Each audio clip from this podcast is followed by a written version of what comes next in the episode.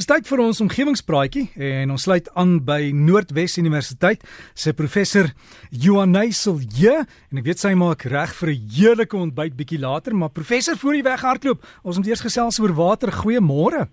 Goeiemôre Derek en môre al die omgewingsvriende. Ja, kyk Derek, ek het 'n lekker interessante week gehad waar ek sommer 'n bietjie met julle wil gesels. So, ons is betrokke by 'n projek oor waterbestuur en dit is 'n samewerkingsprojek tussen Bauhaus Universiteit in Weimar, Duitsland en dan nou die Noordwes Universiteit. En wat poog om antwoorde te probeer kry op die moeilike vrae rondom waterbestuur en watervoorsiening.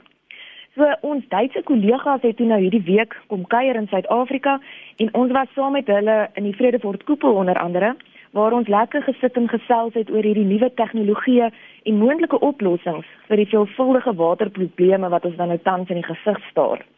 En natuurlik het die situasie in Kaapstad en die nuus rondom dag weerhou in verskeie gesprekke opgekom. Veral omdat die afname in die beskikbaarheid van water groot komplikasies inhou.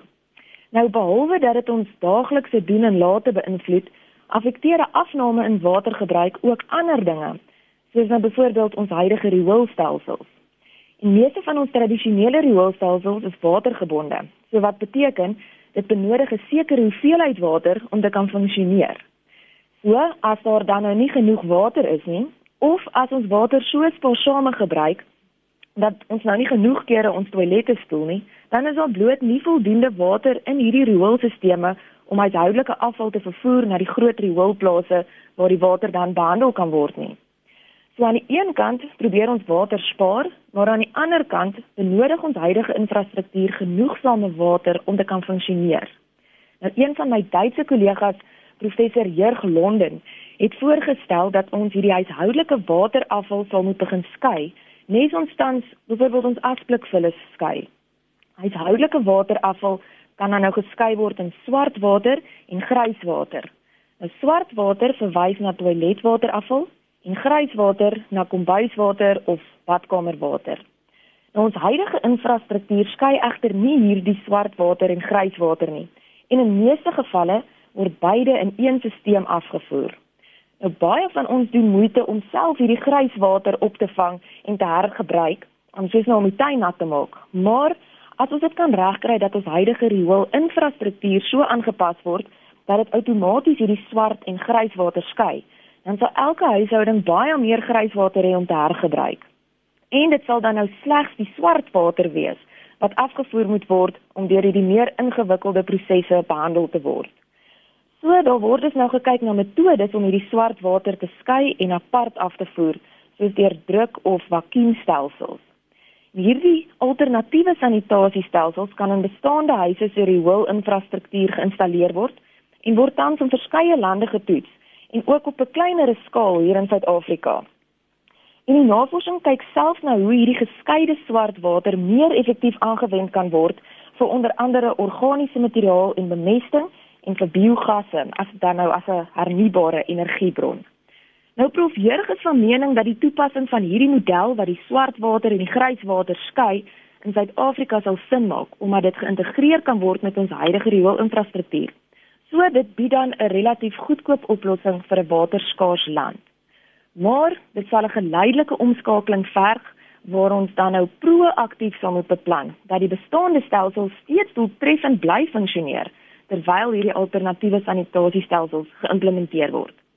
En in terme van doeltreffendheid het News24 in die week nogal 'n interessante berig gepubliseer waar die Royal Flush voorgestel word om te verseker dat die riool-infrastruktuur in Kaapstad steeds doeltreffend funksioneer um, as dag weerhou dalk nou sou aanbreek. Nou hierdie Royal Flush of jy moet help, die Afrikaanse seker die koninklike spoel, beteken dat mense versoek sal word om op spesifieke tye van die dag hulle toilette te spoel. In 'n poging dat meer mense gelyk spoel en sodoende genoeg volume water en snelheid water kan genereer om hierdie huishoudelike waterafval en hierdie hoel wat dalk nog in die pype lê, doeltreffend te kan afvoer na spesifieke behandelingsaanlegte.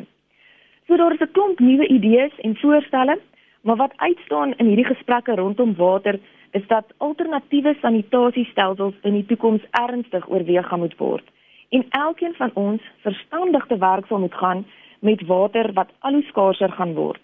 En dis nou presies soos ons ou volksliedjie sê. Kinders moenie in die water mors nie. Maar Derek, jy het seker gesien, ons het in die week so 'n lekker bespreking op ons omgewingspraatjie Facebookblad gehad oor hierdie liedjie wat sing die water kom van ver af. Dit kom van Piet Leroux se plaas. En ons het sommer gewonder, maar wie is hierdie Piet Leroux en waar is sy plaas? So ons omgewingsvriende het 'n paar interessante teorieë en sienings hieroor gedeel.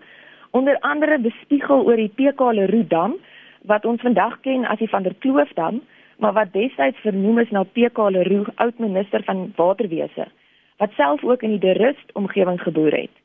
Nou ons weet die volksliedjie is baie ouer as die dam wat in 1977 geopen is, maar ons het sommer gewonder, is dit nie dalk of is dit toeval en of is daar nie dalk iewers in die geskiedenis 'n verbintenis tussen hierdie twee nie?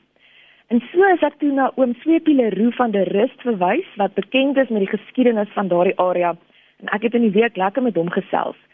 Maar ja, oom Sweepie sê hy dink dit is maar net 'n liedjie en dit verwys nie na iemand spesifiek nie. Maar soos oom Sweepie vir my sê, al is dit net 'n liedjie, is dit 'n baie waar liedjie. En daarmee stem ek saam. So my groen gedagte vir die week is dat ons nou werklik op 'n punt kom waar elke druppel water gaan tel en elke druppel goed aangewend sal moet word. Ons kan nie bekostig om met water te mors nie en ons gaan moet slim dink oor hoe ons vir water beplan en hoe ons water gebruik en ook hoe ons water dan nou weer kan hergebruik. Hallo. Hoi, Derek. Yes, en dan jy het ook gesê ek moet vir jou liedjie saambring, né? Ja, graag, Derek. Toe ons nou so gesels het oor hierdie kinders moenie in die water mors nie. Ja. Het ons gedink dit sal heel gepas wees. En wat is die geskiedenis van die liedjie het jy gesê? Kinders moenie in die water mors? Vertel net gou weer. Ag, ons het gesê of ons dit gaan oor kinders moenie in die water mors nie. Dit kom van ver af van Piet Leroux se plaas. So en jy ken vir Piet Leroux, né? Uh ek ken nie vir Piet Leroux nie, maar ek was ek het um, gehoor oom Sweepie Leroux sou moontlik vir Piet Leroux geken het as daar 'n Piet Leroux was, maar oom Sweepie sê dit verwys nie na iemand spesifiek nie. Want niemand ek ek is nou bekommerd ek ken ook 'n Piet Leroux.